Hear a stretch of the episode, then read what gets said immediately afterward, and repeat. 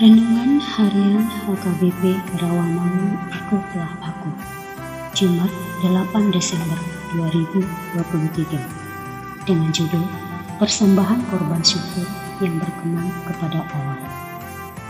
Bacaan kita pada pagi hari ini tertulis dalam Yesaya pasal 63 ayat 17 dan 64 ayat 3 Bacaan kita pada malam hari nanti tertulis dalam 2 Korintus pasal 9 ayat 8 hingga 24. Dan kebenaran firman Tuhan menjadi ayat renungan kita hari ini tertulis dalam Yohanes pasal 9 ayat 4 yang berbunyi kita harus mengerjakan pekerjaan dia yang mengutus aku selama masih siang akan datang malam di mana tidak ada seorang pun yang dapat bekerja.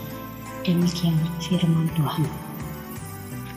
Sahabat ikutlah aku yang dikasihi Tuhan. Tuhan menciptakan siang dan malam tentu dengan maksud dan tujuan yang baik.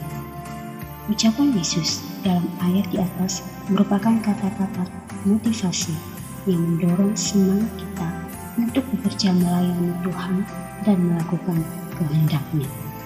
Selama kita masih punya waktu dan kesempatan dari Tuhan, yaitu selama kita hidup di dalam dunia ini. Sesungguhnya ada tugas yang Tuhan berikan kepada anak-anaknya. Kita dapat menemukannya di dalam Alkitab, misalnya amanat akun Tuhan Yesus yang terdapat dalam Matius pasal 28 ayat 19 hingga 20. Sebenarnya ada batas waktu dan keadaan yang suatu saat nanti bisa saja menjadi penghalang atau kendala bagi kita dalam segala upaya kita bekerja untuk Tuhan. Kata Malik dalam nats kita hari ini menunjukkan pada situasi dan kondisi yang pasti berubah sebagaimana hal siang pasti berganti menjadi malam. Seringkali kita tidak mengetahui apa yang akan terjadi di kemudian hari.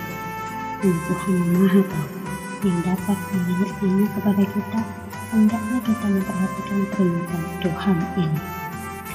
Rasul Paulus juga mengajak kita untuk tidak sebagai orang beban, tetapi seperti orang arif dengan menggunakan waktu yang ada. Karena hari-hari ini adalah jahat. Gunakanlah waktu siang kita sebaik-baiknya, puasanya akan menolong dan menyertai kita semua. Amin. Marilah kita berdoa. Kuatkanlah hatiku, Tuhan, agar aku dapat melakukan tugasku selama hari masih siang. Kiranya Roh Kudus menolong dan menghiburku. Amin.